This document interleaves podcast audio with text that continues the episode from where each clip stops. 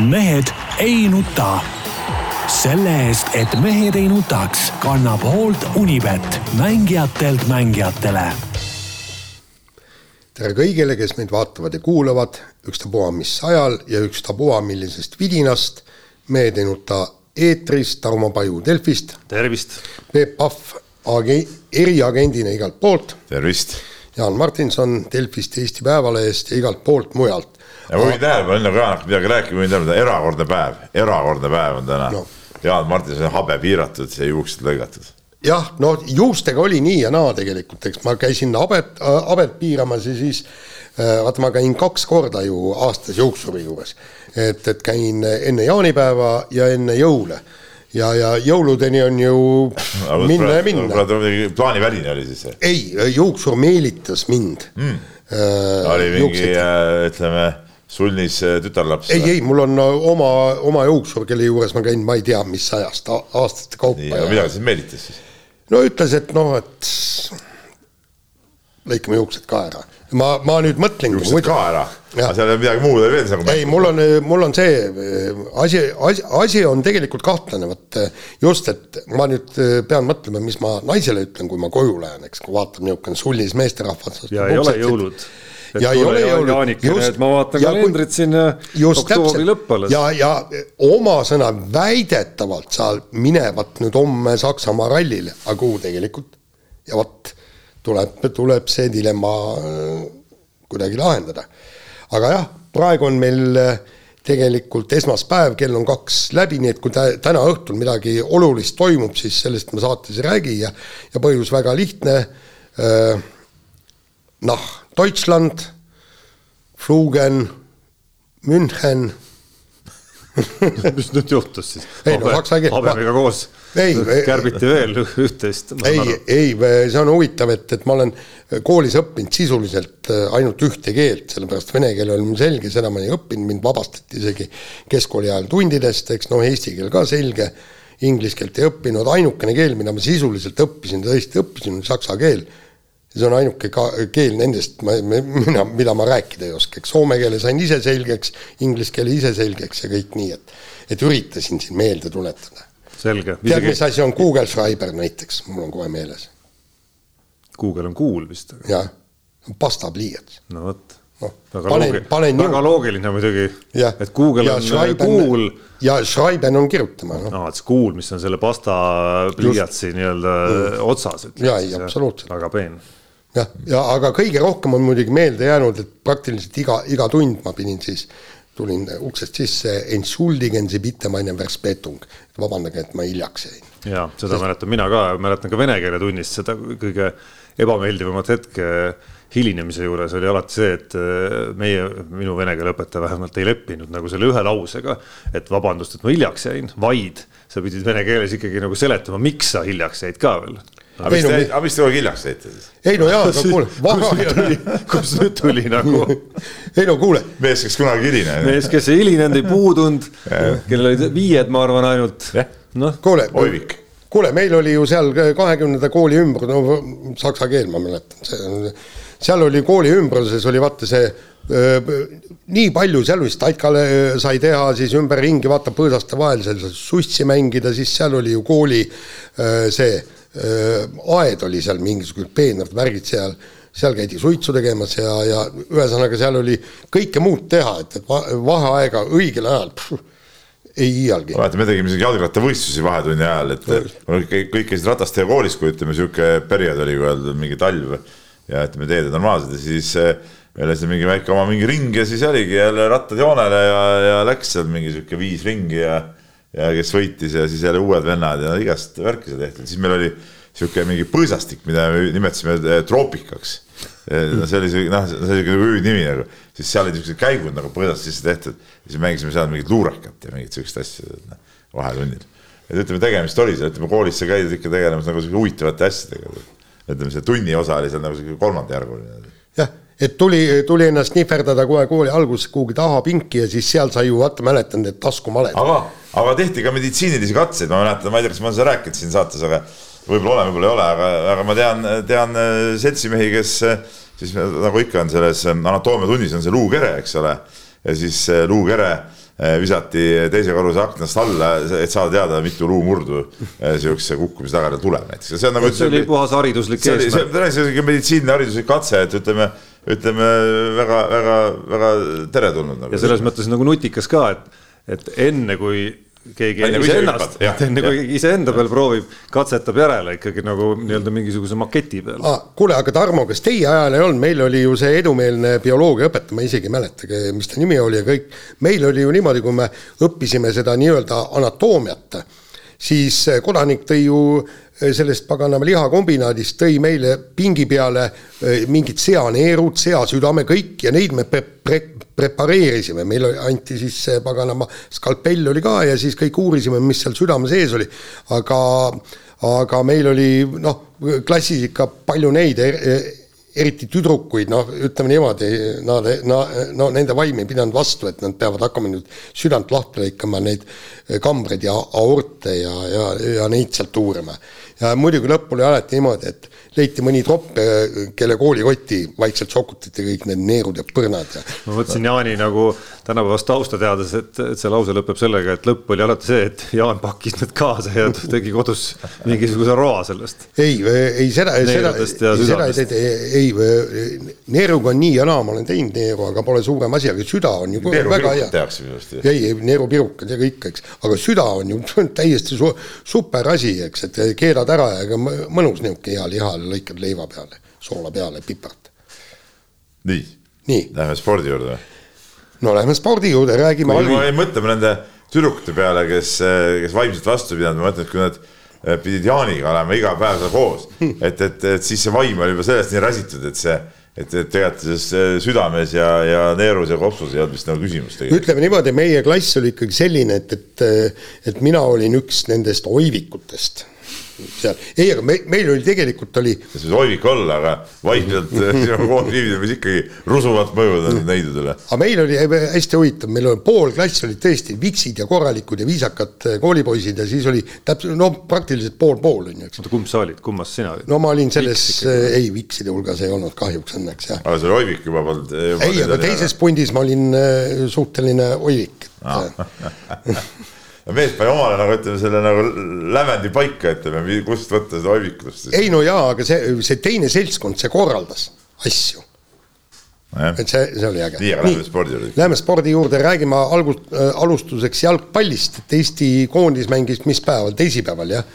jaa, teisipäeval oli see mäng, jah. enam ei mäleta nagu väga, aga Taiga mängis, äh, mindi kindlalt seda mängu võitma, nagu ma saan aru Äh, pandi kõik.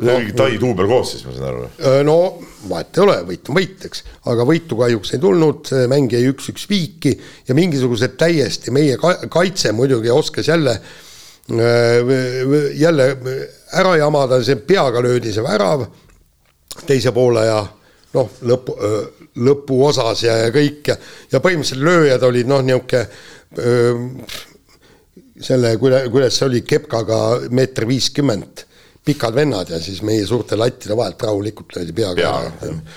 Et, et ütleme niimoodi, et, et see pani nagu öö, väga jõulise punkti kõigele sellele nüüd valiktsüklile, sellele, mis on enne olnud ja, ja, ja ausalt öeldes see, et lõpuks lõime värava, noh jah, hurraa. No jaa, aga äh, siin on palju igast arutelusid olnud juba, siin juba mitu nädalat on kestnud igast arutelud ja siin nagu nõutakse küll äh, Pohlaku äh, tagasiastumist ja, ja, ja nii edasi, et, et et kas nüüd see sportlikus mõttes ka Pohlaku lahkumine midagi nagu muudaks või? ei, absoluutselt mitte. no päevapealt äh, noh, ütleme, kui tahta nagu kiiret mingisugust muutust konkreetse koosseisu, no mis on enam-vähem nagu piirjooned on olemas, on kuskil mingi kakskümmend, kakskümmend viis ma pakun mängijat, kelle seast valida siis välja see, keda mingis aknas koondises mängima panna, valida konkreetne taktika, ehitada üles see võistkond, mingid rutiinid, keemia, kõik, kõik asjad, noh siis ikkagi nagu kiire muutuse mõttes, koondise tulemuse mõttes on pigem küsimus, et kas, kas see koondis vajab treeneri vahetust või ei vaja, ma arvan, et, et kuidas saavad ikkagi mehed, kes klubides noh, nii süsteemselt ma pakun, ei jäta karistusalas äh, mõnda vastast sinna nagu vabaks, ükskõik, kas tal on pikkus meeter kuuskümmend või kaks meetrit. et kuidas koondises ikkagi mingisugused asjad no ilmselgelt ei toimi, et seal need igas mängus sisuliselt juhtuvad, ükskõik, kas jutt käib Taist või, või käib Belgiast. ja, ja küsimus ei ole isegi sellest mängupildist ja kõike, no kui mehed endal ühel hetkel mõistuse pähe võtavad, mängivad nad kindlasti paremini. aga just oli Õhtulehes oli väga hea kommentaar, kui, mis oli pealkirjastatud niimoodi, et anname siis Austriale ja Rootsile loobumiskaotused et ei ole mõtet nendega mängima minna ja seal oli just see Toomas Häberli see sõnum kogu aeg, ta räägib ja rõhutab, eks, et meil ei olegi midagi teha, nad on niivõrd tugevad, eks, ja, ja, ja noh. vot see jutt ajab mind jah närvi, et kui sa oled välistreener siia tulnud, mis tulid siia üldse, kui sa midagi teha ei ole nagu noh no nendes olukordades, mis on, no see jutt ei ole nagu selles mõttes ka pädev, et need olukorrad saavad ju ka olla erinevad, et on olukorrad, kus mingi Lukaku-sugune mees no lihtsalt nii meisterlikult mängib su nagu üle lihtsalt. kõigepealt mängib ühe mehe, siis teise ja, ja siis kõmmutab sisse ja kogu lugu ja sa saad aru, et tõstan käed Äh, lihtsalt meisterlik sooritus, noh nagu korvpallis sa teed kaitses kõik õigesti ära, aga ma ei tea, Mike James või Sergei Lull viskab ikka sisse selle viske sealt äh, üle käe. Äh, mitte kõrge protsendiga vise, aga lõpuks ühe paneb alati ära sellise on ju. tõstad käed, midagi ei ole teha, aga kui sul nagu regulaarselt sa vaatad, ma arvan, mängujärgses analüüsis vaatab ka Häberli neid olukordi, kus need nii-öelda vaba need hetked tekivad, kus sulle üks igas mängus vähemalt ära susatakse. Ja siis sa ju hakkad seda nii-öelda nagu seda analüüsi tegema ja, ja sul on väga konkreetsed etteheited mängijatele või väga selge nägemus, kuidas need vabaks jäämised ära hoida. ja kui neid siis süsteemselt ei hoita ära, noh siis järelikult on ma ei ole täpselt aru saanud, kus see viga siis nagu peitub lõpuks, et kas, kas Häberli juhtnööridest ei saanud aru, ei saada aru, mismoodi see meeskondlik kaitse peab toimima äh, platsi sellises osas või, või, või ei saa mängijad nende juhtnööridega hakkama või, sest mängijate individuaalsetes oskustes nagu ei ole minu arust sees ja kui ma vaatan, kus nad mängivad ja kuidas, need ei ole nii kehvad mehed no.. jah ja, ja, ja, ja see, kui treener ise neid vigu pärast näeb ka, siis, siis ta peab ka tunnistama, et see jutt, et me olemegi nii kehvad, ei pea tegelikult nagu paika, et need on konkreetsed vead ikkagi, mis, mis on nende samade treenerite ja mängijate võimuses ära hoida. no mina arvan ikkagi seda, et, et praeguse pildi taustal ikkagi ütleme, peatreeneriga on, on hetkel nagu puusse pandud ja, ja see või isegi kui alguses võib-olla tundus, et ei ole puusse pandud, siis praegusel hetkel nagu see ei toimi sedasi, et see, ega see pilt nagu enne ei muutu, kui kui, kui siin on mingeid liigutusi võib-olla tehtud, mul on selline tunne, mul on selline just äh, asi on selles, et, et ikka võib olla kehvasid perioodi kõik, aga just ma mõtlen seda juttu, mis ta räägib nagu, et see jutt ei, ei viita nagu kusagilt sellele, et, et, et, et ta oleks nagu valmis äh, leidma mingeid lahendusi, kuidas see meeskond peaks äh, paremini mängima, et, et et noh, võib-olla ta oma sees teab ja mõtleb neid asju, aga see kõik, mis ta väljapoole peegeldab on, on siis sel juhul iga, igatepidi ebaõnnestunud. ja, ja seda kuulavad ju kõik mängijad. kõik mängijad, kõik fännid, kõik, eks ole, kogu see, kogu see meelsus nagu kujundatakse selle põhjal. Äh, aga praegu on ju ja jällegi mitmed kommentaatorid äh, on ju välja toonud see, et, et meil on konkreetselt, milleks valmistuda, ehk siis play-off mäng ja, ja, ja nagu ongi, et sealsamas play-off mängus tulevadki meile vastu a la Rootsid ja a la Austriad, ehk siis seal, seal võimalikud on Poola ja Ukraina. ühest mängust kinni, võimalus, et me võidaksime eh, kaks meeskonda, pääseksime eh, EM-finaalturniirile, see võimalus on tõesti null koma viis protsenti võib-olla, aga ta on olemas. ja, ja nagu seal, ma ei mäleta, kes see kommentaari kirjutas, ütles päevapealt Häberli minema treener asemele, kes valmistuks ainult nendeks play-off mängudeks ja, ja siis vastavalt sellele tuleb valida ka siis see treener, kes suudaks selle meeskonna mängima panna neis play, play-off ides no ja, ja mõtlema risti vastupidi sellele, mida Häberl ise avalikkuses vähemalt viimastel nädalatel või kuudel räägib, et, et see meeskond peab mõtlema ju risti vastupidi, isegi kui reaalsed faktid räägivad jah, et. et loomulikult meie mängijate valik ei ole võrreldav, ma ei tea, Austria, Poola või, või Rootsiga, aga, aga see usk peab olema ikkagi nagu teistsugune, et vahet ei ole, et me usume sellesse, et me võime nagu võidelda ükskõik kellega no ja, ja, ja teine asi, minu meelest see Häberli teeb endale ka nagu karuteene selle kõikide sõnumitega, ütleme niimoodi, et, et ühel hetkel ta tahab ju treenerina edasi töötada, kuhugi minna, kuhugi kõrgemale tasemele minna. ja, ja loomulikult ju äh, uuritakse seda tausta ääretult põhjalikult.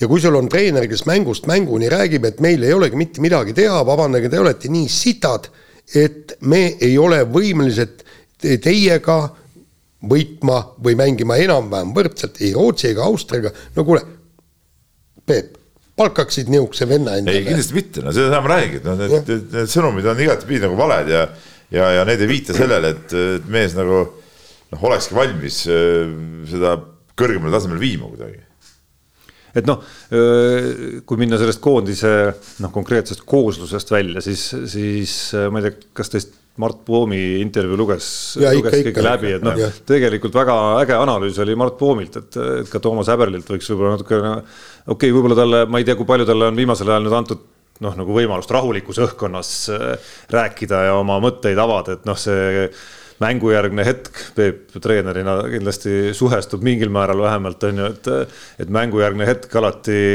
noh, ei ole maailma kõige mõtestatumate no, sõnumite nii-öelda nagu edastamise koht on ju, et sul emotsioonide virvarr kindlasti käib nagu pea kohal.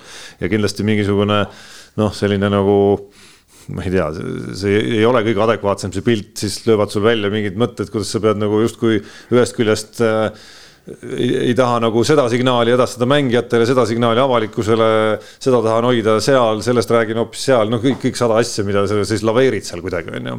aga, aga Mart Poom selles intervjuus minu arust, minnes natuke laiemaks, rääkis ikka nagu väga, minu arust nagu väga asjalikult, põhjalikult ja mõtestatult sellest, sellest kuidas noh, selle pealkirja lause oli, et kõik peavad peeglisse vaatama, on ju, aga et, et kes need peeglisse peavad vaatama, oli nagu väga hea analüüs äh, mis ütleb ära, et noh, esiteks meil ei sünni nagu päevapealt mingisuguseid nagu kuskilt ei tõuse meie tase nagu päevapealt äh, hoopis teise kohta, et see on pikk protsess. Ja minu arust see kõige kandvam mõte, mis, äh, mis mulle sellest äh, Poomi intervjuust meelde jäi, see rõhutus, noh, mis aeg-ajalt käib, käib, käib mujalt ka läbi, et, et jah, Eesti jalgpall on teinud nagu tohutu arengutee, eks ole, aga jalgpall maailmas on ju see nii-öelda etalonala üldse, see on, see on nagu kõige-kõige suurem ala üldse, mis tähendab, et see ala isegi kui ta on kõige suurem, areneb ka veel kõige kiiremini, ehk siis needsamad mm, ma ei tea, füüsi-, ütleme sportlaste füüsilised muutused näiteks, mis no minu, minu arusaamise järgi on ikkagi nagu väga selge fakt, et sportlased,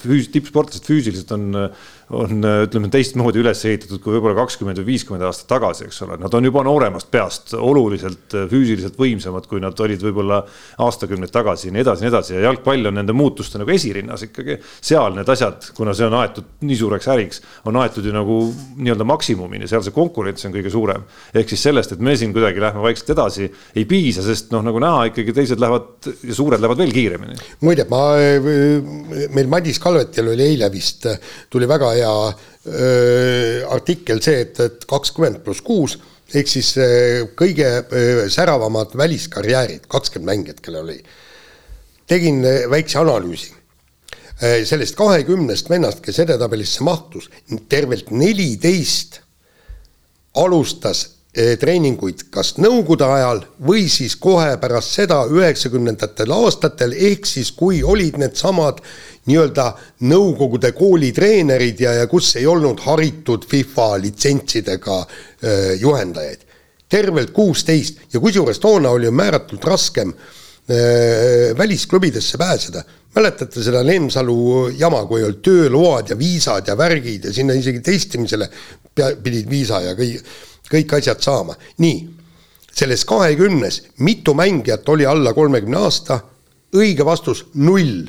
kõige noorem, kõige noorem oli Karol Mets, kes oli viiendal kohal, eks, kes mängib Bundesliga kahes praegu, eks.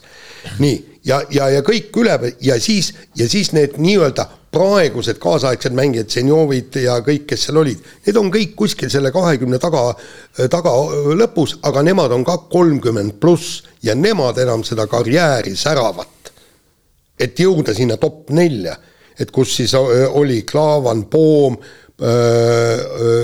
ooper ja Pareiko, eks, sinna nad ei jõua. ja kui vaatad neid see pluss kuus, et kes võiks midagi teha, no nendele vendadele ma ütlen ausalt, ma, ma ei tea, aga kas keegi julgeks öelda, et mõni pääseb neist Inglismaa Premier Liigasse? Noh, ega ma ei tea, kui Ragnar Klavan sama vana oli, ega siis ka, kes oot, oskas oot, oot, täpselt oot. nüüd ette ennustada kuule, seda tema on, edasi, edasikäiku ja Liverpooli jõudmist. kuule, seal on kahekümne viie aastased vennad on seal. seal nii-öelda meie tulevikutähed, kahekümne viieselt oli juba Klavan tegija. no ta oli Hollandis sel ajal. noh. aga need vennad, kas on Hollandis ja tegijad? aga no okei okay,, see selleks niimoodi on... saada muidugi neid võrdlusi nagu tõmmata, Jaan, no sa muidugi tõmbad päris. ei, aga miks seda... me, miks me ei saa, kui meil ei ole selles kahe, kahekümne parima öö, karjääri ühtegi alla kolmekümnest venda, oleks kas või kahekümne üheksane vend, ei ole.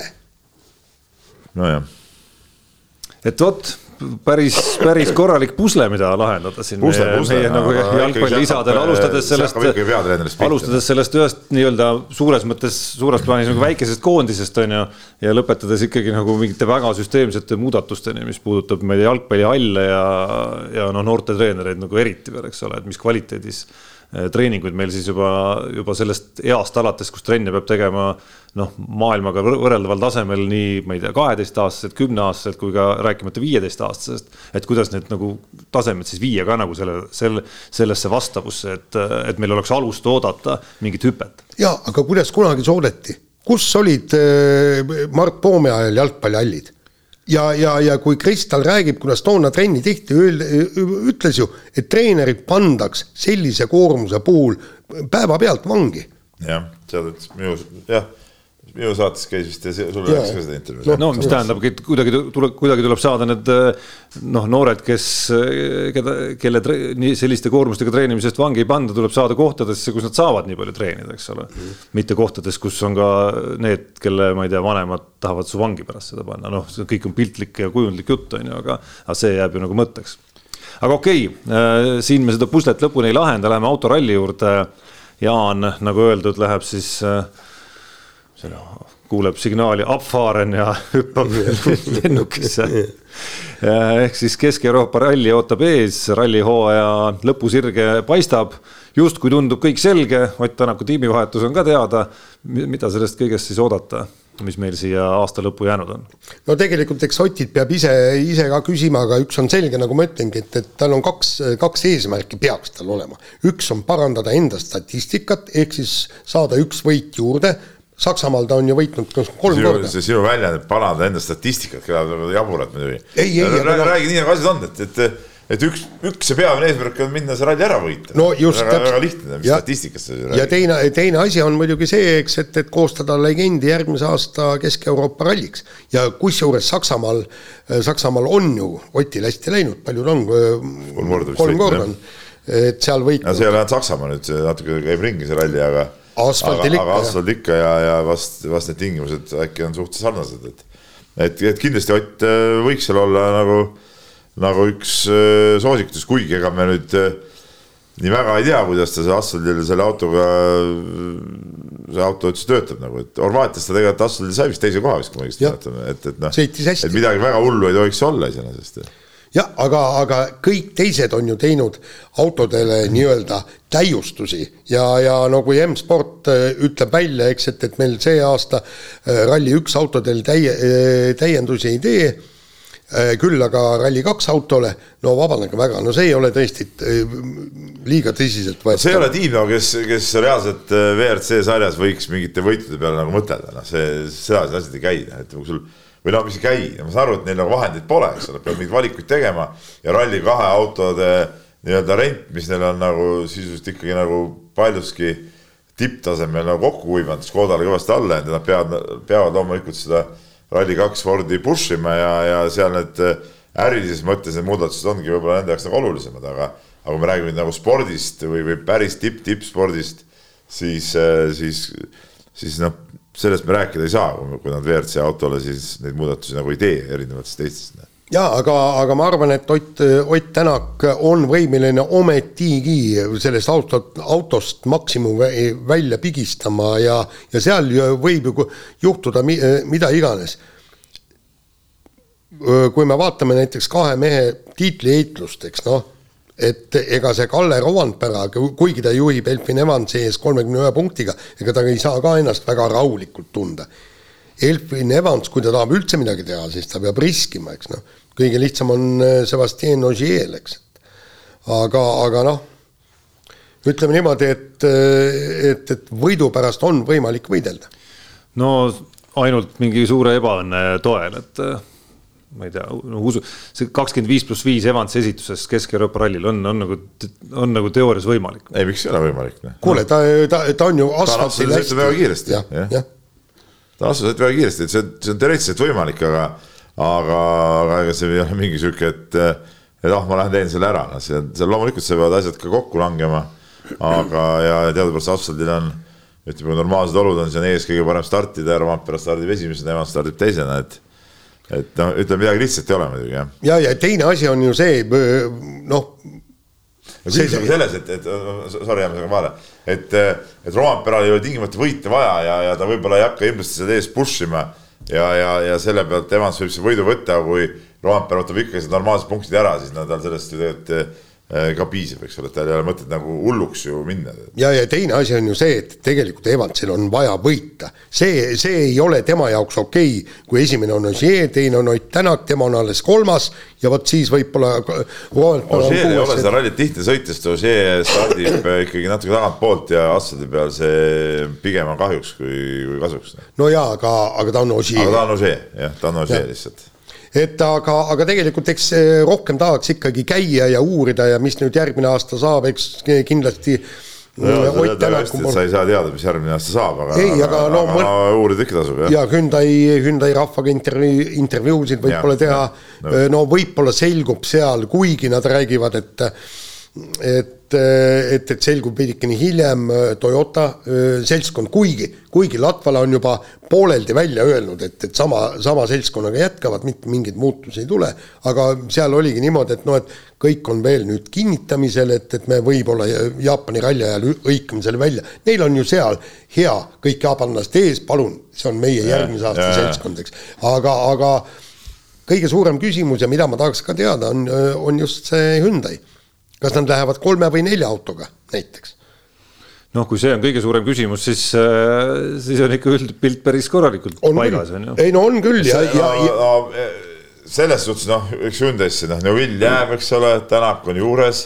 ja no, vot nüüd ongi. no see Lappi, kellega Lappi see lepingus tegi? Hyundai ilmselt. ei, no seda ei ole välja öeldud ju. ei, ei, ei, Hyundai'sse ei. ei, ametlikult ta seda pole ütelnud ju. ta ei ole ametlikult öelnud. Ta ütles, et mul on leping äh, paigas ja ma olen sellega rahul, aga ta ei öelnud tiimi nime seal. ei no jaa, aga soo... no, nii loogiline, nii, kui nad panevad. ja suvi, vot seal on küsimus. kas, kas sunnil jääb kellegagi koos neljas auto näiteks jagada, noh, selles on küsimus. no vot, et, et seal ongi ja tegelikult noh, jällegi, eks, et et äh, kõigile oleks parem, kui Hyundai paneks välja neli autot, no ütleme niimoodi, et, et seltskond oleks oluliselt suurem. et, äh, et ikkagi kõik, kõik on ju sõidumehed, kes hakkavad sealsamas. hoopis peab keegi M-spordis ka sõitma. no see on, Formeau hakkab ilmselt üks sõitma, minu meelest see on see kuradi ääretult totter, eks. Oliver Sol-, Solberg, miks ta ei võiks sõita M-spordis, on ju?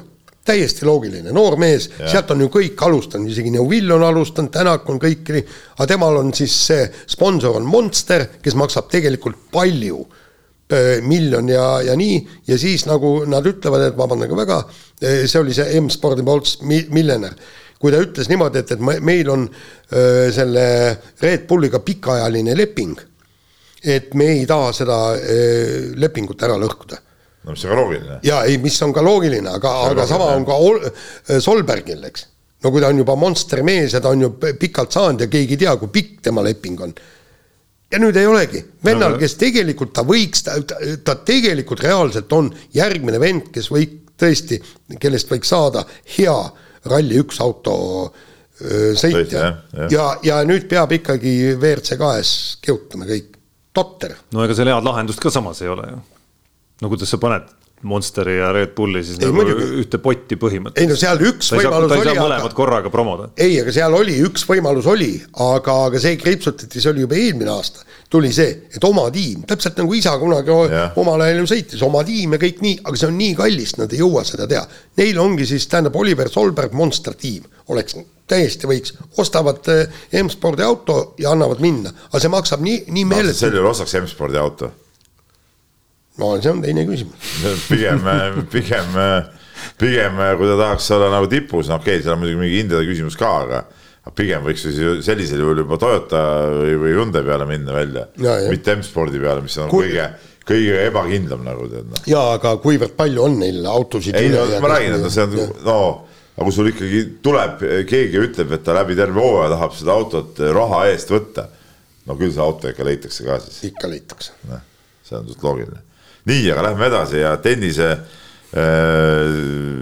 valdkonda ja vahepeal tundus, me tennises pole enam põhjust üldse midagi rääkida, siis nüüd Anett Kontaneti lahkumismäng vist üksteist november, kui ma õigesti mäletan praegu peast, on, on tulemas ja, ja siis, et selleks normaalselt valmistuda, käis Anett Kontaveit äh, Luksemburgis äh, siis nii-öelda pensionäride turniiril, võitis selle ära, sai viiskümmend tuhat eurot ja, ja elu on ilus jälle no ja, ja kusjuures nagu ma sain aru. Jaanas ja muidugi kirjutab, ma arvan, see ilmselgelt Jaani lause, ehk peaks ikka loobumisteema ümber vaatama see. ei, see. kusjuures antud juhul ei ole Sinu minu või? lause, no kuidagi peab intrigeerima no,. No, kuule, ta ei võitnud mingit päris turniiri, ta võitis ikka. ma tean väga hästi. panid siis pensionäri turniirina. ei no eks tõde on teistpidi. ma kas... muidugi ise ei näinud, ma ei, ma ei tea, kui, kui kõvas vormis ta seal võis olla, aga ei no tore, et ta võitis igal juhul on see tore ja, ja mis mulle meeldib, vaata kui tihtipeale tippsportlased teavad oma neid lahkumismänge, need on ju täiesti vormist väljas juba, noh, on ta mõned korvpallurid, okei okay,, kangurid on viimati, viimane kord heas vormis, aga ta ongi alati heas vormis.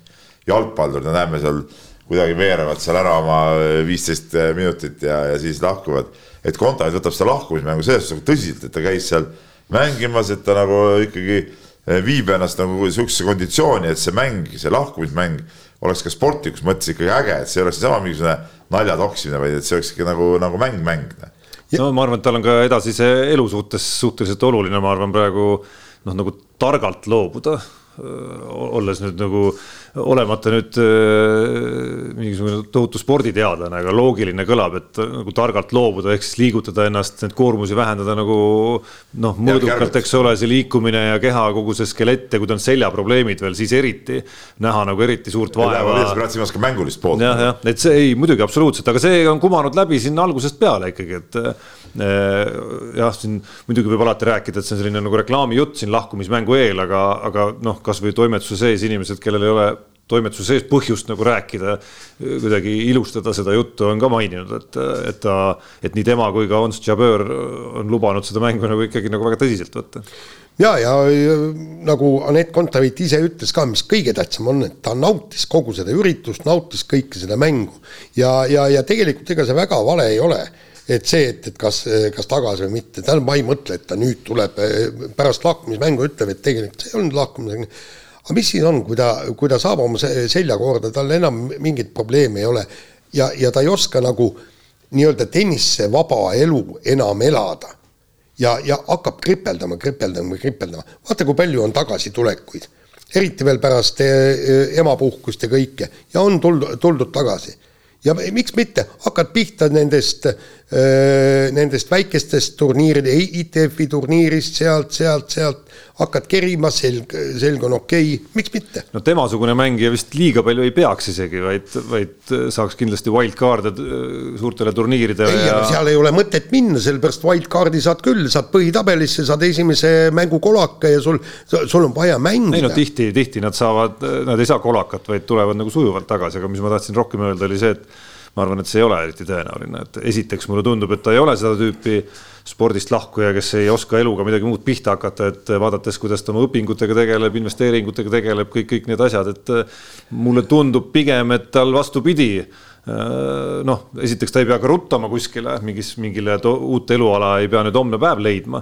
aga et minule on jäänud mulje, et tal ei ole sellega probleemi ja noh, teine asi on see, et selg saab korda, noh. selg saab korda tavainimese mõttes see, et ma saan jooksmas käia, äh, rattaga sõita, tennist mängida nagu harrastaja tasemel äh, neli korda nädalas või kolm või kaks või mis iganes, on ju. aga see tase, et ma pean kaks korda päevas kokku viis tundi päevas trenni tegema ja et see selg siis vastu peab, see on midagi hoopis teine asi. vaata, Tarmo Tarmo, et no okei okay,, minu, kui minul oleks Haugi mälu, siis okei okay,, ma olen nii vana. Kaia Kanepi, mõtle Kaia Kanepile, palju tal oli, tal läks poolteist aastat, enne kui ta tagasi tuli. täpselt no sama, temal olid kannad. ta ei teadnud loobumist. ja ei, vahet ei ole, tal no, olid kannad. ikka on, tema nagu ikkagi kannad... tegeles, no aga tema ikkagi, tal oli plaan ikkagi tagasi tulla. ei, ei, ei, ei, ei kui, kui sa loed, loed, loed neid toonaseid uudiseid, ütleski, et ongi kõik ja, ja kõike. ma ei mäleta, et niimoodi ütles. aga tal olid ju kannad olid ka täitsa läbi ja siis hakkas vaikselt tagasi kerima. ja, ja just sellepärast, et ta nautis kogu seda treeningut ja kogu seda protsessi ja nagu see Indrek Tustitki on öelnud et Kaia Kanep ei ole kunagi nii heas vormis olnud ja pole kunagi nii palju treenimist nautinud, kui teeb seda nüüd, ehk siis nii-öelda sportlase jaoks kõrges vanuses. ja aga see on nüüd tunnetuse küsimus, tundmata isiklikult kumbagi, et mulle tundub, et Kaia jaoks on see nii-öelda sport võib-olla nagu noh, no nagu mitte ainuvõimalik, aga nagu ainuvõimalikum või nagu prioriteetsem kui, kui Anett Kontaveidi jaoks, kes näeb nagu ikkagi muid elualasid äh, rohkem seal kõrval. tundub on, vähemalt nii. kõik on õige aga kui me leiame, et on pool protsenti võimalus, et Eesti suudab läbi play-off'i jõuda jalgpalli EM-ile, siis on ka pool protsenti, et Anett Kontaveit tuleb tagasi. see oli võimas, see oli võimas teooria. no, jah, no ikka, kuule, tegelikult. ei no muidugi ei saa välistada seda. kuule, see tennis on ju tegelikult selles mõttes pildilt kadunud et kui palju me vaatame enam. ja, aga see ei ole põhjus, miks Anett Kontaveit peab oma elu ringi vaatama. ei ma lihtsalt tahan, et, et see, see ongi unistus, et tema tuleks tagasi ja Kanep hakkaks jällegi korralikult ilusasti mängima, see ongi unistusseis, tuleb tennis Eesti fänni jaoks tagasi tõenäolisem ja mõistlikum ilmselt oleks loota ikkagi mõne uue tulija peale, kes murrab samadesse kõrgustesse, kui et Anett tuleb tagasi. nii, aga võtame järgmise teema ja nüüd siis poisid, rääkige siis korvpalli Euroliigast, et äh, Kaunases allkirjas on ägedalt mänginud ja äh, Victoria Baskonia, meie tiim, ei ole äge, ägedalt mänginud, et milles küss, räägivad juba, et Baskonia peatreeneril on nii-öelda äh, ora juba poolenisti tagumikus no päris kõvasti on, et sellest räägiti juba eelmisel nädalal, et kui nad nüüd äh, pühapäeval ka kaotavad, ka koduväljakul, ka Hispaania liigas nüüd mitte enam Euroliiga klubile, vaid, vaid ikkagi kohalikule klubile. Malaga on seal keskmik, ütleme sellel hooajal tundub enam-vähem, et siis äh, on asi hapu ja siin juba käi-, on juba nädalavahetuse eel käisid huvitavad nimed läbi sinna teoorias õudusunenäoga, õudusunenäona saaks tegelikult potentsiaalsete uute tulijatena veel seda nimekirja jätkata, et siin. Peep Pahv oli ka kirjas või? Peep ei olnud kirjas. no ta on ilmselt Keilas nii hästi nagu paigas ikkagi, aga ütleme, vabu mehi on ju, noh, esiteks Andre Trinkeerist käis seal juttu, on ju, aga nädalavahetusel sai ka oma elus kolm vahetust Baskoonias teinud Duško Ivanovitš vabaks juba, nii et võib-olla läheb see asi seal, võib-olla läheb see asi seal hoopis veel päris rajuks kätte, ütleme nii. no ütleme jah, Ivanovitš alustas ju seda äh, Belgradi satsi karjääri seal mingi seitsmetunnise trenniga või oli midagi nii või?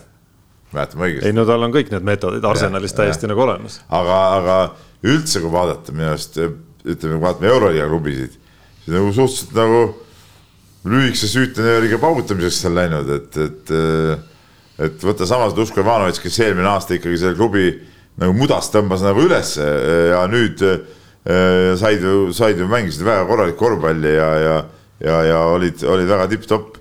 Nüüd hooaja alguses, äh, mis nad said siis, kolm kaotust on saanud või, seal Euroliigas. ja ühe võidu vist või, oli üks-kolm neil või? jah, üks-kolm no,.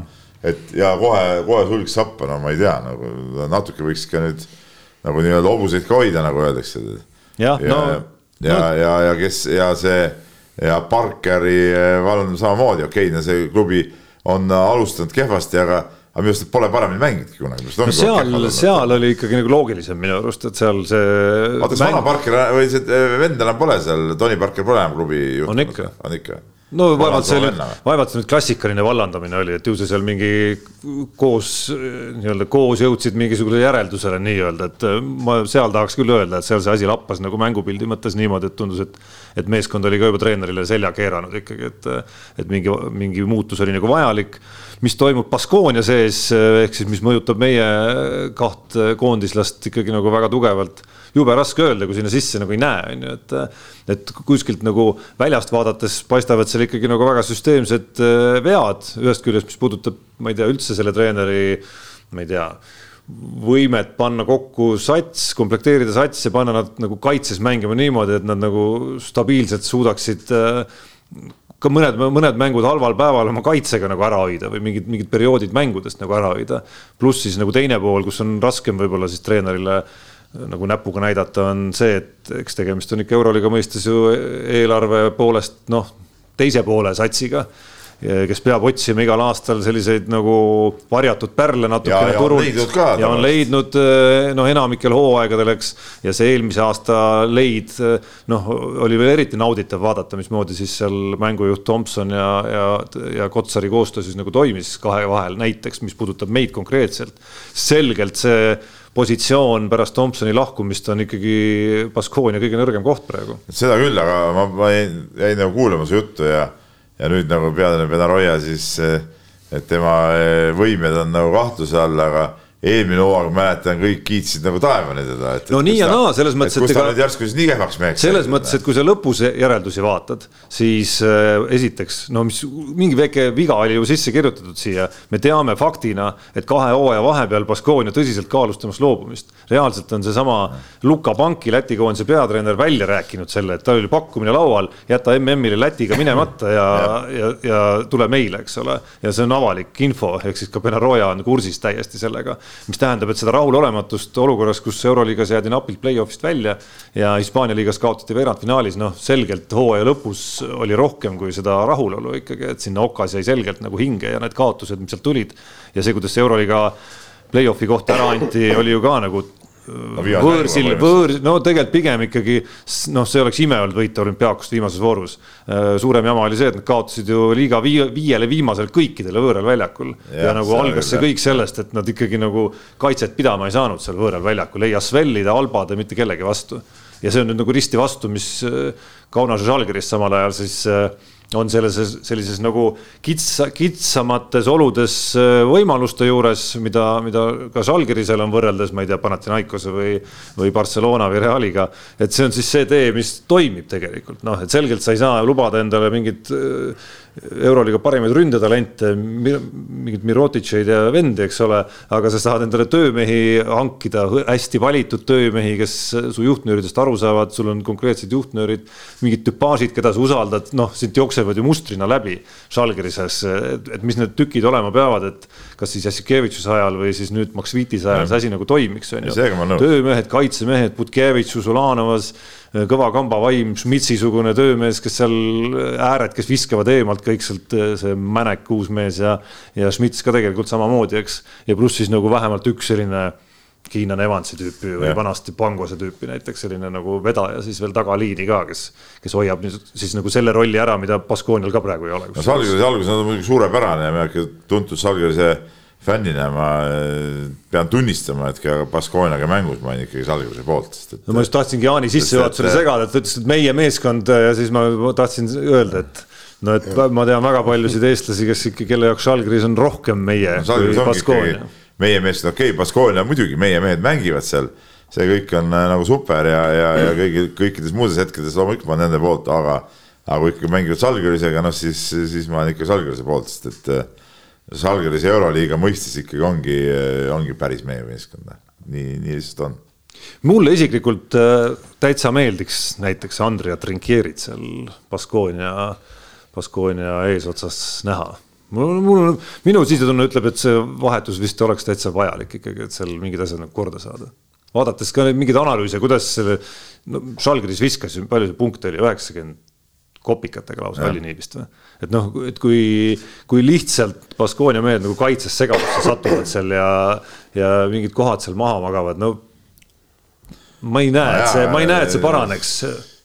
no jaa, aga kui see muster on nagu nii selge kuidagi siin Benaroya käe all. Arvad, et Benaroya ei juhi tähelepanu nendele momentidele? kindlasti juhib, aga noh, see on nagu Eesti jalkakoondisegagi, et noh, nagu platsil see ei kajastu. ja ei, ei ole ka nagu progressi selles mõttes juba nagu eelmise aasta nagu teine pool juurde arvata. no eks see Tšeri on ka mitmelt poolt äh, sule sappa saanud ise, et, et äh, ajaloos vist puudub treener, kes ei oleks, Željko Obradovitš vist ei ole kunagi. vist mitte jah. Jassikevitsus ka mitte. No see ikka juba nagu, see vahetus praegu. see ikka oli ikka pigem nagu oli, ütleme. no äh, jah, aga nad ajavad võib-olla päris nii. No ikka üsna- üsna nii ikkagi. okei, okei. nii, aga selle saatuse lõpetuseks äh, törts võrkpallijuttu ka siin meie koondise noh, staarid põhimõtteliselt äh, päris pikka aega, novembri, novembri kalendrileht ei ole üldse kaugel enam. olid klubita, aga nüüd nädala jooksul said mõlemal asjad klaariks, Robert Täht siis siirdub Saksamaale sealsesse tippklubisse Berliini Recycling Volli ja Rene Teppan teeb siis sammukese tagasi vahepeal loodetavasti, et siis edasi minna ja mängib kohalikus liigas meil Pärnus sel hooajal. Mis kohalikku liigat teeb muidugi päris intrigeerivaks, Pärnu on hopsti pildil. no ma saan aru, et üldse võrkpallis on päris palju on ju vendi, kes on kodus praegu mängivad, et et see kohalik võrkpall võib nagu taas jälle üles minna, mäletan väga hästi neid aegu, kui vanasti mängisid siin Pärnu, Tartu, mingi Silvester oli vaata klubi, kus mängisid ägedad koondise vennad. et oli, oli seda kodust võrkpalli väga-väga kihvt vaadata, et, et, et see aeg võiks, võiks iseenesest nagu tagasi, muidugi tahaks, et mehed mängiks ka kõrg, kõrgemates liigades, aga ütleme, kes ütleme päris väga heasse kohta ei saa. kui nad saavad Eestis mängida, kui neile siin makstakse normaalselt, siis see on see on jumala, jumala okei. ja, ja nagu ma sain aru, ega Robert Täht, nagu ta ise ütles, et lihtsalt õnnelik juhus, et ta sai sinna Saksamaale ja tõesti väga heasse klubisse.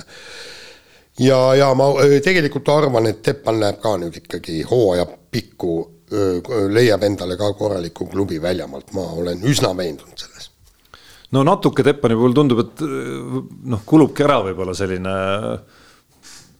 selline hetk, kus saada nagu stabiilselt jalg alla, no vähemalt nagu paar-kolm kuud mängida, mängida ja nagu palju ka mängida. no seda kindlasti. Noh, ma ütlen just pärast vigastusi ja, ja noh, sellist kuidagi nagu natuke heitlikku perioodi oma, oma karjääris. jah, aga no vot, seal on üks miinus, eks, et ta ei mängi maailma tippude vastu, kus ta taga tegelikult on harjunud mängima, et, et äh, noh ei no aga ta eelmisel hooajal ei olnud ju maailma tippude vastu, ta mängis ju, mis ta oli, Poola tugevuselt, oli Poola. no kuule, Poola. teine liiga, eks. no sa vaat. nii, aga laseme kõlli. Läheme kiire vahemänguga edasi ja just äh, nii-öelda eelmise osa äh, viimase teema jätkuks äh, Rauno Sappinen andis teada, pigem lõpetan karjääri, kui liitun Nõmme Kaljuga.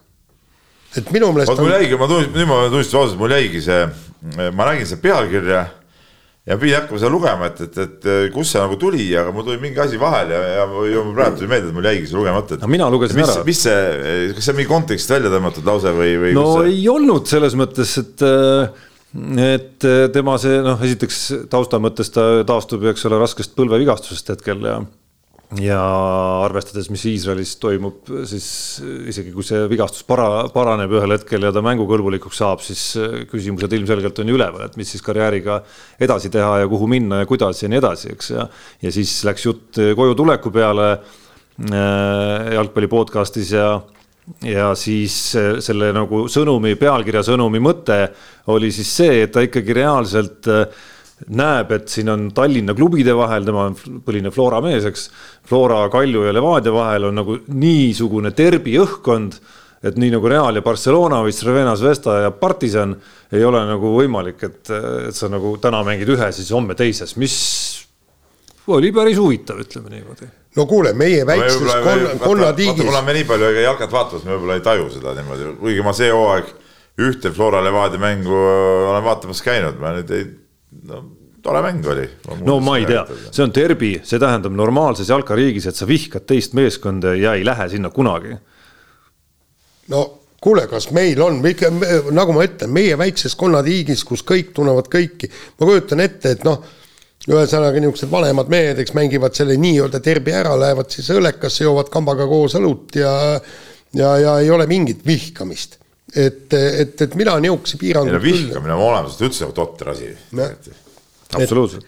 jaa, aga välist... ei, mulle, mulle tundub kuidagi nagu, et ei maksa siukseid barjääre enda peas siin, siin nagu tekitada. natuke üle pingutada. jah, et, et ma saan aru jah, võib-olla noh sellest Belgradi asjast ma veel natuke saan aru, kuigi seal on mängijaid küll, kes on mõlemas särgis mänginud ja. samas olümpiaakos Panathinaikos ka liikunud samamoodi. no Kostas Lukas sellel suvel läks. No, ja, ja kes siin oli just mingi treener oli ka, kelle käest küsiti, kas ta välistab nagu selle teise satsi eesotsas olemise ja ta ütles, et nagu ei saa, see oli Barcelona ja Reali kontekstis, ta ütles, et nagu Lassost käis jutt. et nagu ei ole mõtet nagu midagi välistada siin, et. Adam Hanga ka liikus. ja no mängijad on liitunud ja no Lasso ütles samamoodi, et kui ma näen, et minu karjääri jaoks nagu parim koht sellel hetkel on konkreetselt just see, et miks, miks ma peaksin selle nii-öelda piiri endale, et see on mu enda nagu nii-öelda nagu kahjulik mulle iseendale lõpuks. on nii, aga siin oli juttu juba korraks. Äh, Jaan jalgpalli teemas saate alustuseks mainis ära, et, äh, et Delfis ilmus Eesti jalgpallurite väliskarjääride edetabel, kus siis esimest kohta üllatus-üllatus või äkki ikkagi on üllatus, esimene Ragnar Klavan, teine Mart Poom, kolmas Andres Ooper no, või peaks Poom esimene olema?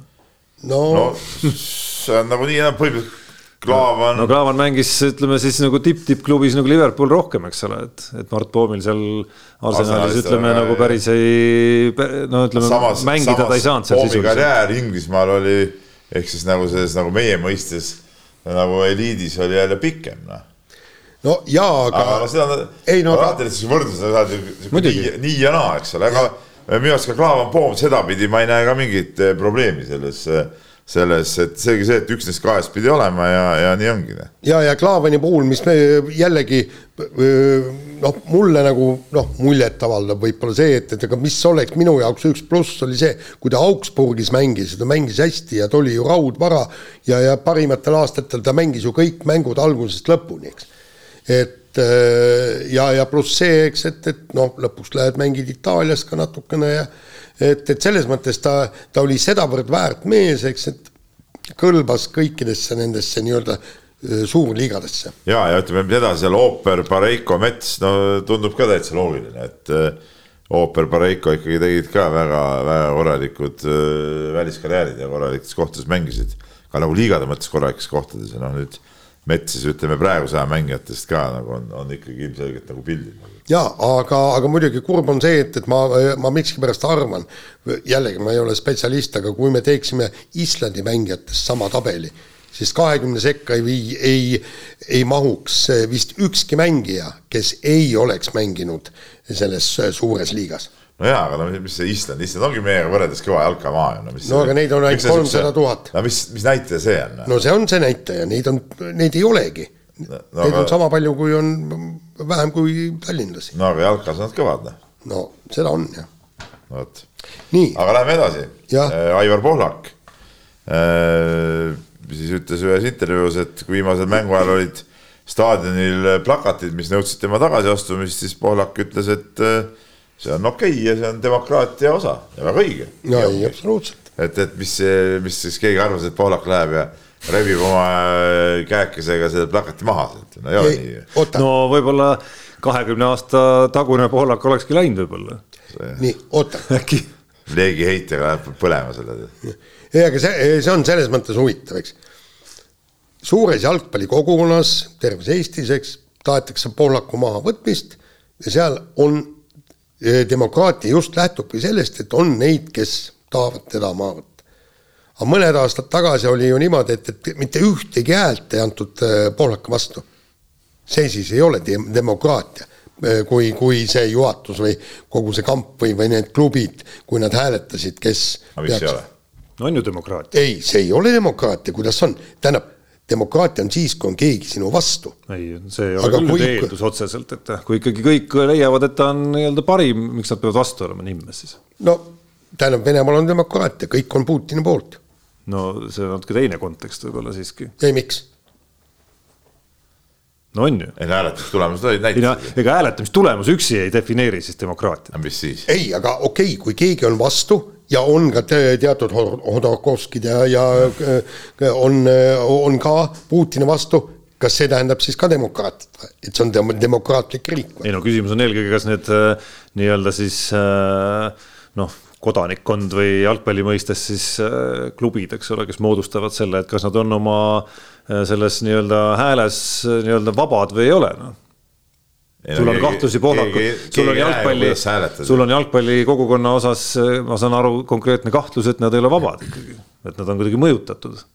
no kindlasti on, kindlasti on mõjutatud, kindlasti mingil määral on mõjutatud, sest see on ju. aga, aga ei, no tegelikult üks küsimus, mis jalgpalli puudutab, on ju üks asi jah mõjutab, teine on see, et ega ei ole ju üles kerkinud ka vääriliskandidaati.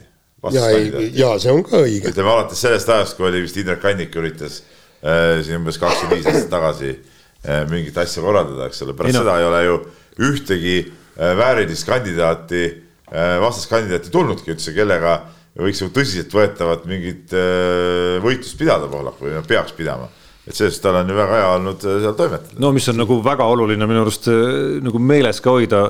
Äh, ma arvan, et ükskõik millise alaliidu presidendiks olemine ja nagu selline president, kes päriselt siis tegeleb ka asjadega ja nagu hingega ja paneb oma noh, ihu, hinge, aja, mis kõik, kõik, kõik paneb sinna sisse, sellise leidmine noh, on keeruline. tänapäeval ma arvan nagu ülikeeruline, ehk siis. Eestis on päris häid näiteid tegelikult. absoluutselt no,. päris häid näiteid, võta siin Erik Tegami, kergejõustik, Hanno Pevkur, võrkpall, kindlasti igal juhul. nüüd muuseas tundub ka Kristiina Kallas käsipallis, kui ma temaga siin vestlesin, väga hästi oli kursis asjadega ja, ja, ja, ja oskas väga-väga täpselt väga täpselt asju selgitada, et või võta Rauno Parras hoki näiteks nagu kogu aeg tegeleb, eks ole. et Eestis on isegi suht, praegu on ikka suht hästi, ütleme nendel mingi alaliitudel. et noh, see on, et noh, Poolaku puhul tihti kriitika jääb, eks ole, nagu põhilisena kumama, aga noh, lõppkokkuvõttes ma arvan, ei ole noh, ei leidugi jalgpalliringkonnas naljalt inimest, kes oleks valmis nagu samasuguse nii-öelda pingutusega nagu panustama lihtsalt, no selge, et kui see inimene vahetub, siis ilmselt tuleb see kogu see struktuur ringi teha, sest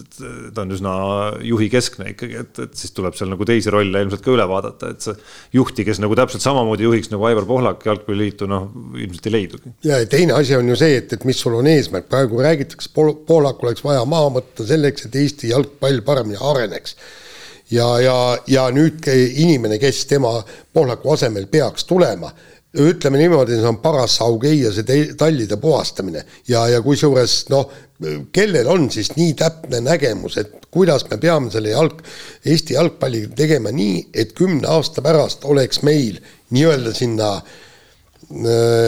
asja üha tihemini vähemalt kiigata EM-finaalturniiride poole.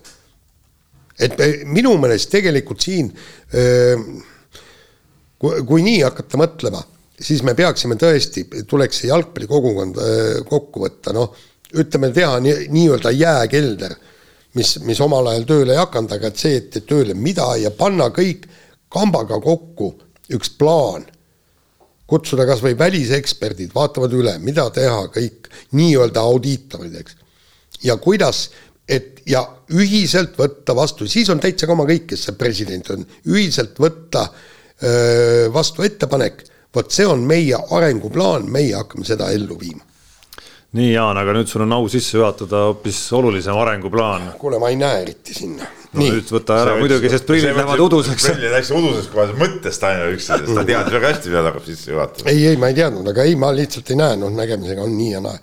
nii, Peep see on, äh, küsimus on sulle, saatsid sa oma hoolealustele edasi ja edasi oli vaja saata endise Itaalia jalgpallikoondise peatreeneri Antonio Conte seksinipid. esiteks, võistlushooajal ei tohiks seks kaua kesta ja peab pingutama nii vähe kui võimalik. see tähendab, et tuleb partneri all lesida. oota, aga ma teiseks? ei, ja teiseks sa tahad kohe kommenteerima loe nüüd ette, et nagu tervik oleks. soovitan võimalikult vähe pingutada. mida see siis tähendab? minimaalne pingutus tähendab seda, et naine peab olema voodis väga aktiivne.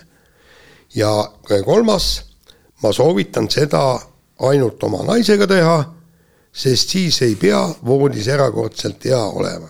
et siit tuleb, siit tuleb Äh, siit tuleb mulle praegu see mõte, et, et nad vana, vana mees läheb tead arsti juurde ja siis noh, teie südamega on nii ja naa ja eks, et noh, siin organismiga, et, et ühesõnaga teil on nüüd vaja loobuda alkoholist ja noh, suitsu ei ole vaja teha ja siis rasvase liha söömisest, et aga seksida võib, jaa, aga ainult oma naisega. aga miks? Te ei tohi erutuda ei, see kõik on õige kõik on õige, oled oma hoolealustele andnud.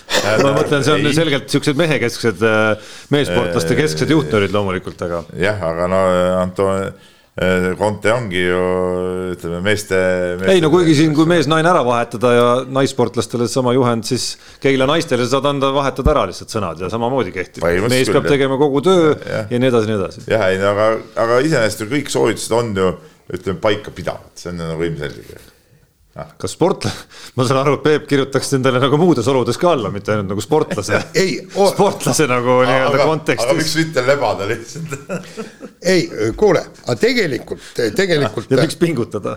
pingutada, kuule, siis ma ei ole mingi, mis ma pean siis rassima kallid mehed. puhata ja lõõgastada. kuule, kui me vaatame tänapäevast noor, noorsugu, omal ajal oli ju see pärast trenni, mis tehti mindi kohe tead, pandi hoovi jalgpalli kõik nii, aga praegu on ju noored niikuinii laisaks jäänud. ja ma kujutan, et see nii-öelda soo tegemine on ju neil ka, kumbki eriti ei viitsi, vahitakse samal ajal moblat või, või, või sealt mingisugust filmi, eks. ongi nii, võib-olla mängib arvutimängu, on ju, eks lepivad kokku, täna öö, oled sina see, kes on aktiivne, ma nii kaua vaatan, näed, mul eile jäi film pooleli ja, ja siis homme olen mina aktiivne, lepivad kokku. noored ongi laisad, ma ei usu, et seal erilist tõmblemist oleks. Nonii, ikka põhiline, et ikka jõudis ka selles teemas sai jõuda Jaan ikkagi nagu mingisugusele no, noorte rappimisele. ja, ja, ja vanameister teab, mis, mis räägib, noh, ütleme. no ma ei tea, palju ta teab noorte seksuaalelust ikkagi aastal kakskümmend kolm. vaid ta teab seda, et, et see. noored on laisad, ei viitsi mitte midagi teha. ütleme, seal all vedelemine on ju okei okay. Ja no tõsiselt rääkides näiteks äh, Google'i otsingus selline väljend nagu ai girlfriend ehk siis nagu tehisintellekti intellektist tüdruksõber on väga tõusvas tempos, aina läheb ja läheb, nii et varsti. aga mismoodi ta siis sul äh, peale tuleb? no vot, see jääb sulle nüüd, Peep, nuputamiseks kogu nädalaks. ei ma ütlen, ei saa seda, seda Conte soovitusi järgida, nagu ütleme sellega. ei saa.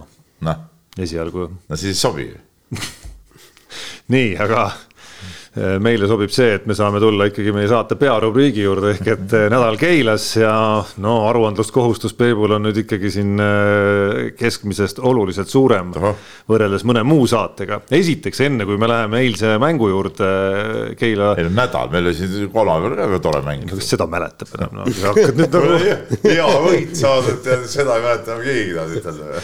kõigepealt soovin ma ikkagi. nii hea, kui oli sinu viimane mäng. ja kõigepealt siiski viimane mäng oli hea ju tegelikult noh. ja mänguelamus oli väga hea.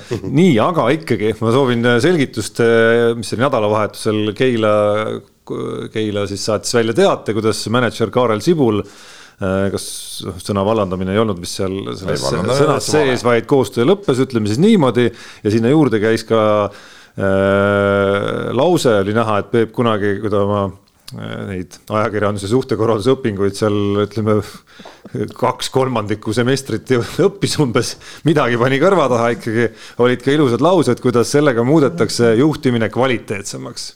see sõna kvaliteetne oli seal olemas nii, äkki sa nüüd seletad, kuidas see ikkagi muudab nüüd kvaliteetsemaks? Äh, no tähendab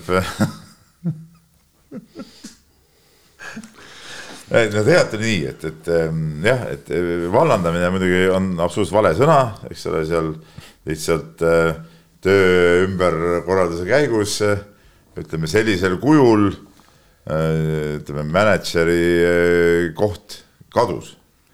ütleme just, just sellisel kujul, ma rõhutan, me seal jagasime teatud ülesanded ära, läksid nagu valdkonna põhiseks ja, ja, ja ma arvan, et et me saame sedasi, kui, kui igas valdkonnas keegi inimene seal äh, tegeleb, saamegi, saamegi kvaliteetse tulemuse. said, Jaan, aitad tõlkida äkki vanema kolleegina? no ühesõnaga palgafond äh, äh, hoiti kokku ja nüüd loodetakse selle eest üks hea mängija osta, kui mitte sel, siis järgmisel aastal, väga lihtne. nii, aga olgu, ärme kiusa Peepu rohkem, küsime hoopis seda, et kui unetus öö nüüd ikkagi oli, et käisin eile vaatamas Keilas ostsin pileti ja pean ütlema, et kümne euro eest sai, sai ikkagi nagu, ei no tegelikult rohkem. sul oleks viisteist eurot, sul oli ju veel. poiss oli ka, õpilaspilet ka, aga ütleme, ma mõtlen nagu isiklikus plaanis kümme eurot, okei okay,, bensuraha ka veel, et autoga oli vaja sõita ikkagi Peetrist kohale, et paar eurot võib-olla läks sinna ka, see selleks. kahju ei ole üldse, väga hea elamus oli, oli tore möll seal saalis ja mäng oli põnev.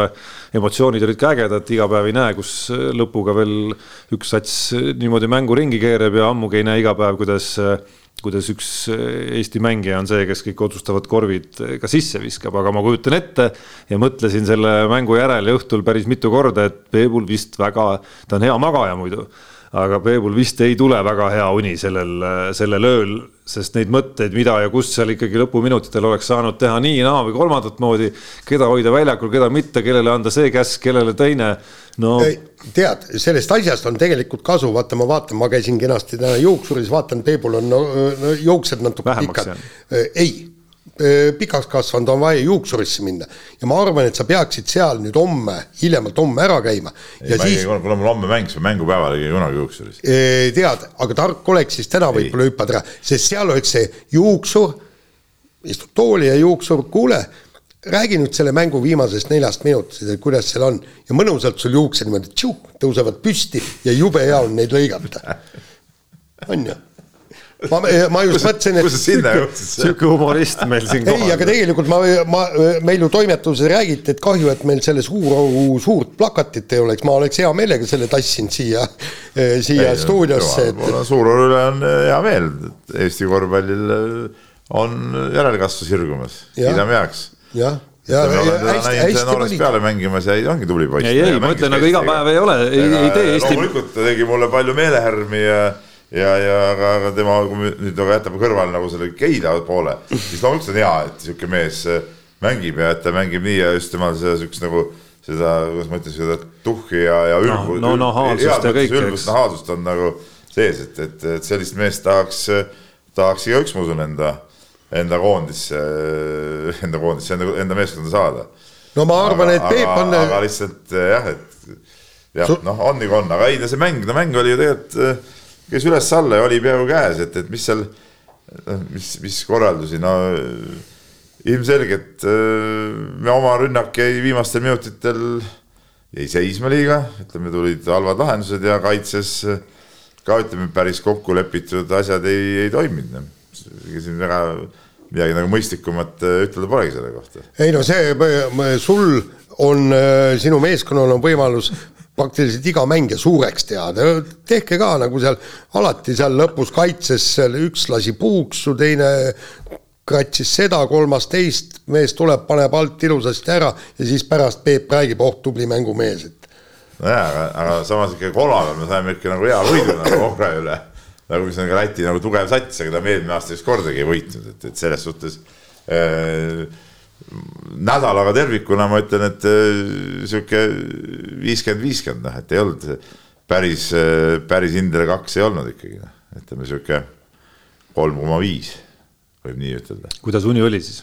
uni oli selline, et äh, rahutu. mis oleksid äh, läbi käivad?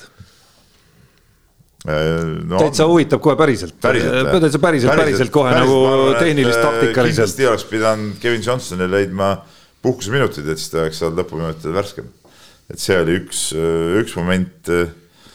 aga ütleme õigel hetkel jäi see vahetus, seal tekkiski niimoodi, et oli plaanis nagu noh, nüüd ma räägin nagu natuke liiga detailselt, aga oli plaanis, ütleme see, et teha see vahetus korraks seal neljanda veerandi alguses, aga just siis Äh, õnnestus meil jälle teha omakorda spurt ja sel hetkel nagu tundus, et ei saa seda vahetust teha. ja siis, äh, siis oli juba liiga hilja jälle noh, et, et äh, noh, meil natuke võib-olla see ilma temata see mängu, ütleme mängu organiseerimise kindlus nagu kipub nagu lonkama praegu ja, ja, ja siis nagu ei saanudki ja lõpuks tegelikult ta mängis kolmkümmend üheksa pool minutit, no mida sihukest asja ei tohiks nagu juhtuda ja ja ma arvan, mul ei ole kunagi keegi mänginud kolmkümmend üheksa pool minutit, et see, see oli, see oli halb ja ma arvan, et, et ka tema lõpu lõpu mõningane ärakadumine oligi sellest tingitud ja sellest, sellest tegelikult piisas, et et rohkem on seal siukseid miks küsimusi, et, et miks üks või teine mees ei mänginud päris nii, nagu, nagu oleks lootnud ja kuidas ja miks äh, ühel või teisel mängijal see tase ütleme lühikese ajavahemiku jooksul mängude vahel äh, nii kõvasti kõigub, et, et, et need on rohkem nagu need küsimused, millele tuleb vastust otsida ja, ja, ja jah, mingeid lahendusi leida aga, aga tervikuna ma ütlen, arvestades seda, kui kehvasti meil mõlemad mängisid.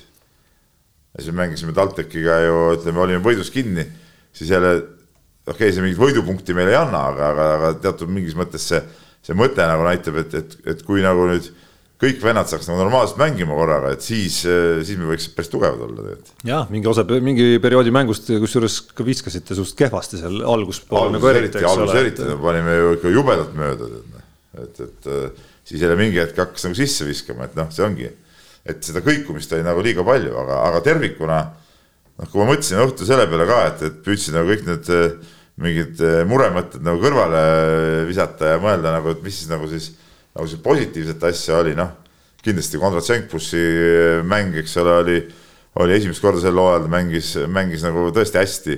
ja, ja teine asi, mis nagu võib-olla kõige tähtsam on see, et, et see, see, mis nagu saalis oli, noh, et seal oli üle viiesaja inimese oli, oli tribüünide peal ja, ja, ja see okei okay,, lõpus, kas see on nagu kellegi jaoks nukker elamus, kellegi jaoks rõõmus elamus, aga, aga mingi elamuse sai igaüks, ma usun sealt, et, et sellepärast ju seda tead, peabki tegema seal.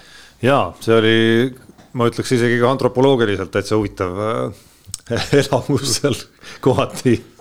ütleme, et seal Keilas on põnevat rahvast omajagu. noh, tasub, tasub, tasub kaema sõita.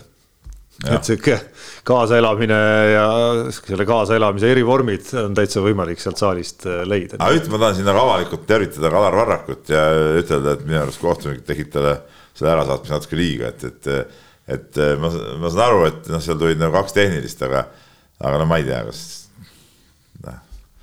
see kuidagi muutis nagu mängu paremaks?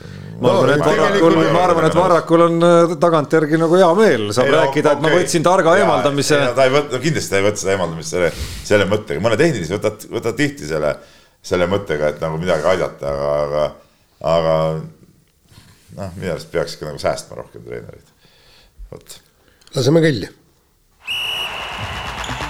Unibetis saab tasuta vaadata aastas enam kui viiekümne tuhande mängu otseülekannet. seda isegi mobiilis ja tahvelarvutis. Unibet, mängijatelt mängijatele.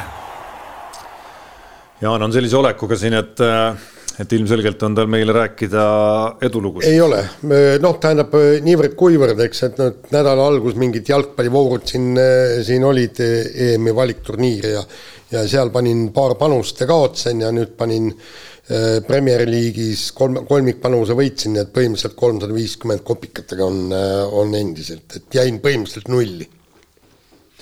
no ma siin saate ajal, ütleme, tegin kõva, kõva soorituse. noh kõva soorituse, kõigepealt siis äh, äh, ma panin äh, kahese siukse panuse. Kõigepealt siis, äh, kõigepealt nooleviskes, nii oh., et seal tuli nagu ja siis äh,, ja siis äh, Lõuna-Korea korvpall et, et kümme, kümme jõudsi sisse, poef kaks koma üheksakümmend kuus, kindel võit. Pole paha. võtab sõnatuks. noh, et, et me siin nuputame midagi yeah.. ma ei tea, mida siin nuputate, aga minu arust see ennustamine on imelihtne tegelikult. et see on nagu imelihtne, et siin nagu. ja palju sul pappi kokku on? no nüüd on kolmsada viiskümmend viis.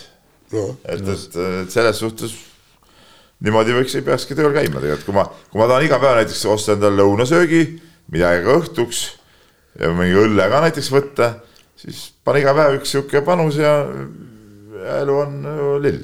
jah, no ma pean tunnistama, et nii lihtne nagu ei ole ikkagi, kuigi nädala kokkuvõttes jäin ma plussi tänu sellele, et, et panustasin, see oli see sanus, panus, mida ma eelmise saate ajal öelda ei tahtnud, aga ma panin just ära, see oli see, et Eesti ja Tai mängivad viiki selle kohtumise.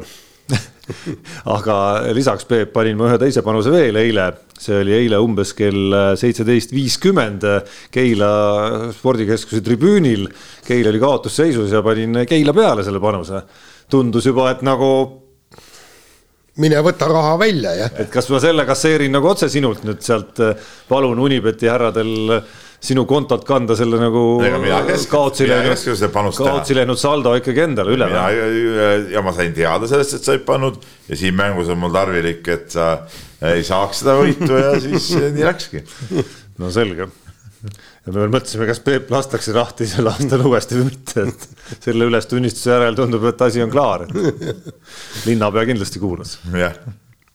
nii Äh, eripanusega peab veel ootama, kuna esiteks on esmaspäev täna alles, aga ootame, ootame Kalev Cramo ja, ja Brindisi kolmapäevase euromängu panused ära ja siis, siis vaatame nendele otsa, kas sealt võluda midagi, midagi välja, ehk et lähme praegu kirjade juurde, tuletades meelde, et mennat.delfi.ee endiselt meie meiliaadress, Facebooki äh, postkast samamoodi ootel ja ühtlasi, kuna saate lõpus ei hakka enam Jaanilt mikrofoni käest rabama, siis tuletan ka meelde kõiki kohti, kus saate meie podcast'i jälgida.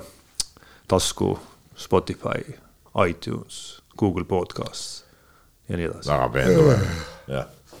Nii ja võtame kiiresti mõned kirjad ka ette, sest kell on läinud jälle oi-oi kui paljuks ja vaja on siin tegeleda muude asjadega. aga kiri siis selline et äh, lähiajal on Eesti sporti tabanud äh, kaks väärtuspõhist skandaali äh,. no tegelikult sulgudes isegi tegelikult ka kolm, kui arvestada sisse Pohlaku seisukoht venelaste tagasilubamist jalgpalliareenile, et esiteks siis see Viimsi saalijalgpalli serblases peatreener, kes siis Putinit õnnitles ja, ja ja nüüd siis eelmine nädal oli ka Madis Mihkels siis äh, jalgrattur, kes siis tegi seda hiinlaste žesti nii-öelda, siit tekkis siis küsimus, et äh, mis võib olla suunatud eelkõige nagu Peebule. et kas enne kellegi palkamist võistkonda üldse uuritakse, mis väärtusi palgatav endas kannab ja kas meeskonda arendatakse lisaks treenimisele ka kuidagi teisiti, et kas meeskonna liikmetele räägitakse, kuidas käituda sotsiaalmeedias, milliseid väärtusi klubi endas kannavad ja mis on sportlasel lubatud ega ole lubatud, kui sportlane kannab klubi esindusriideid, näiteks avalikus kohas alkoholi tarvitamine klubi dressis, no see, see on loogiline, et see on keelatud ju, siin pole isegi tarvis midagi selgitada. Äh, et, et minu arvates on selline klubipoolne kasvatamine oluline.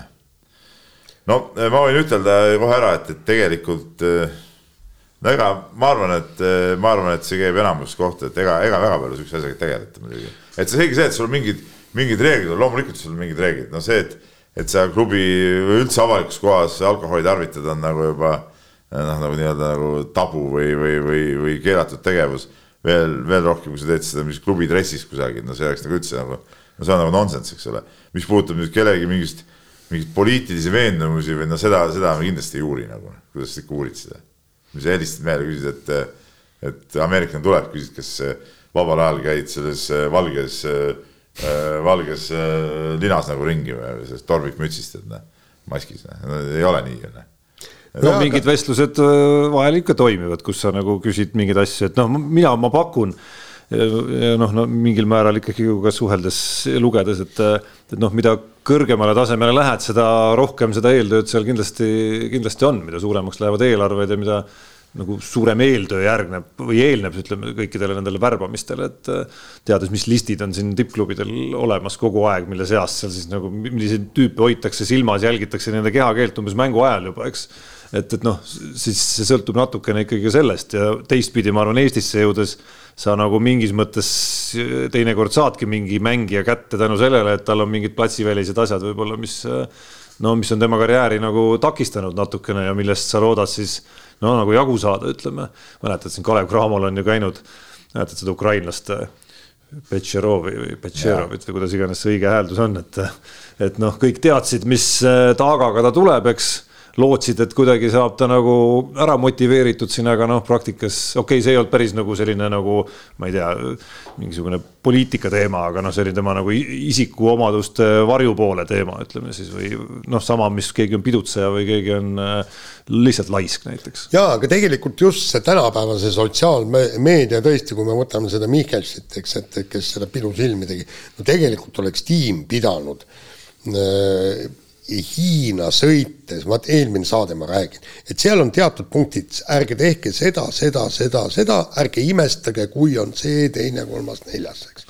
et need. no jaa, ütleme jah, enne mingit minekut kuskil jaa, aga ikkagi ma ütlen, et, et no kui sa nagu jah, kui sa mängijad palkad, no, no jah, väga-väga, no seda sa ei jõua, mida sa seal uurid nagu kokkuvõttes, noh. no, no palkad ju selle mängija nagu mängima ikkagi, mitte tema mingeid, et, et teeks või käituks siin kuidagi mm. nii või naa. No. jaa, aga teine asi on see, see, et, et kui, kui meeskond tuleb kokku, siis ma, ma arvan, et tänapäeval just selle sotsiaalmeedia ja kõikide selle juures. peaks olema. no kiikasid neile... peale, kas näiteks sinu serblane on elu jooksul ka äkki Putinile õnne soovinud? ei kiiganud, tunnistan ei kiiganud sinna peale. ma arvan, et ta ei ole, sest ta on pikalt Ameerikas äh, õppinud ja olnud äh, Äh, ei, ei, ei vaadanud küll. ja, ja teine asi on äh, kasvõi nendele välis, äh, välismängijatele võiks selgeks teha, et, et millised kultuuritraditsioonid ja mis asjad on Eestis, mille peale me solvume rohkem, mille peale me solvume vähem, eks ja, ja kõik ja, ja üldiselt sotsiaalmeedias ka, et, et ikka mõelge, kui te postitate midagi. mina leian jälle seda, et iga inimene on oma eraelus ikkagi suht vaba. ja ei, ta on vaba, aga ma veel kord ütlen, need väljamaalased, kes tulevad siia, nad ei ole meie kultuuriga kursis. see oli täpselt nii, et, et me läksime ju me läksime, üheksakümnendatel läksime, läksime sinna Ameerikasse kõik ja, ja, ja siis umbes meid peeti täiesti külmalt venelasteks. Tähendab, neil ei olnud isegi vähimatki aimet, mis mõttes Eesti, et no te olete ju sealt Tallinnast ja, ja kus sealt, kas te ei räägigi vene keelt või? aa, eesti keel, oi kui tore, eks ju. ja, ja, ja, ja, ja, ja noh niisugused pisiasjad ja meid ju jubedalt häiris, kui see, et esitleti meid, näete, tulid siia pesapallitreenerid Venemaalt. ei, me ei tulnud Venemaalt, me tulime Eestist. Ja need, need ongi ja, ja, ja sellega, sellega võib ju küllaltki räigelt neid Eesti fänne solvata, kui, kui, kui tuleb tõesti ameeriklane, kes ei tea nagu seda tausta teinekord. no nii on, võtame teise kirja ka äh,. on siis äh Äh, Raido kirjutab meile niimoodi ja, ja ta küsib sellist asja, et millal äh, jõuab Eesti sihukesesse äh, ajajärku, et kui igas Eesti suuremas linnas on jäähall, kuhu saaks siis viia oma poja trenni ja temast sirguks sihuke Robert Rooba masti, masti mees. no ütleme sellist jäähallide, Eesti jäähallide katmisest on räägitud nii kaua, kui mina ennast äh, siin ütleme ka meediamaastikul nagu mäletan tegelikult. viisteist jäähalli oli ju kunagi projekt. kunagi oli Priit Vilba see Vilbachi idee nagu. jaa, aga teine asi on ju see, et, et vaata jutt, jutt ei ole isegi suuremas linnas, ütleme niimoodi, et, et tegelikult ta, Tallinnas on ju praegu palju, meil on kaks jäähalli on ju. Jeti ju lammutatakse ära, tegelikult peaks Tallinnas olema neli jäähalli umbes, ma leian. no muidugi, absoluutselt, jääaeg on ju väga-väga piiratud mm.. ja, ja, ja aga, aga millal jõuab, ma arvan, et äh, siis, kui me jõuame Euroopa viie rikkama riigi juurde, äh, riigi sekka, nagu Ansip lubas, et praegu on kõik võtmed Reformierakonna käes ja kui nad Ansipi lubaduse täidavad, siis on meil ka no, ma arvan, et lähima kümne aasta jooksul seda ei toimu, see on nagu ei toimu jah, ja isegi kui me jõuame sinna viie rikkama hulka, et kas see muutub nagu nii prioriteetseks noh, suht-, suhteliselt kallis lõbu ikkagi, olgem ausad. aga kus teised riigid seda suudavad nagu teha? no mine Lätisse, Lätis on jäähalle ju kõvasti rohkem. jah, aga kui nad samas seisus oleksid, kus meie, eks ole noh, kas nad täna näeksid perspektiivi, noh, et kogu see, kogu see taust ja mingi ajalugu on toetanud seda, et nad nii kaugele on jõudnud. no mille, milles samas seisus? mis hetkel nad, ei no ma mõtlen jääaladel nagu tervikuna, eks, et mis hetkel, kuidas see kujunemislugu Lätis on olnud, kuidas nad on jõudnud selleni, on eraldi küsimus täitsa. jaa, aga teine asi on ju see, et, et sa ei pea selle korraga tegema, vaid vaikselt jupp, jupikaupa hakkad tegema. ja vaata, üks asi, mida me tahame, me tahame, et need Kalevi pojad tuleks võimalikult kiirelt sealt Soomest äh, tagasi, praegu on ju siin seal äh, ehitus rahastusprobleemid on seal äh, äh, nii Eesti, nii Soomes kui ka Rootsis. Ja väga paljudel, kelle, kes elavad peredega seal, neil mängivad lapsed jää, jäähokit. ja, ja, ja, ja äh, ärge alahinnake seda, see on üks, kindlasti üks põhjus, miks paljud jäävad Soome selle asemel, et tulla Eestisse tagasi kusjuures äh, isegi ka alahindama ei pea, kusjuures ka sellist äh, noh, nii-öelda nagu väiksemal moel alustamist, noh nagu siin äh, meedias on räägitud sellest Viljandist, eks ole, kus alguses oli väljak, siis olid kaks posti ja tagasein ja siis ühel hetkel olid seinu rohkem ja siis ühel hetkel sai katuse ka veel peale, eks. noh, Aruküla on teine näide, kus ikkagi väike koht, eks ja ja noh, vaikselt liigub samas suunas, et algul oli väljak, sõltus ilmaoludest ja kohalikest aktivistidest. nüüd on juba külmutusseadmed ka seal all ja, ja, ja jäämasin, mis tagab nagu natukene juba veel stabiilsust juurde ja noh, ütleme, et, et see nagu veel, veel stabiilsemaks saaks, siis ühel hetkel katus kuluks ka pealt ära, peale ära, et seal iga lörts kohe sinna nagu täis ei, ei saja ja jääd ära ei, ei riku, on ju. et, et ma mäletan no,, käisime ju kolmekesi käisime kunagi oma hoki, hokikarjääri ajal.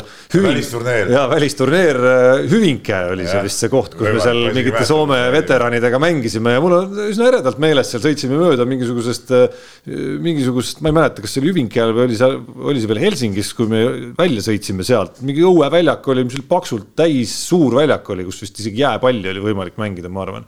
et, et nagu ja see oli paksult siis nagu rahvast täis, on ju, et noh, et ka see on Soomes täiesti nagu olemas osa lisaks lisaks sellele, et on korralikud jäähallid. ja, ja, kiirelt see lõpp oli, vaata mul poiss käis ju Merivälja koolis vahepeal, eks, ja siis oli talveveerand oli see, et lap-, lapsele anti võimalus, kui sa ei taha suuskadega siia logistada kohale, siis võta uisud, koolil oli korralik jääväli ja tehti siis uisutunnid, mitte suusatunnid. ja miks see vale on, ei, täitsa õige. nii, tõmbame nii sellega on siis saade lõppenud ja kuulake meid äh, järgmine kord. mehed ei nuta. saate tõi sinuni Unibet, mängijatelt mängijatele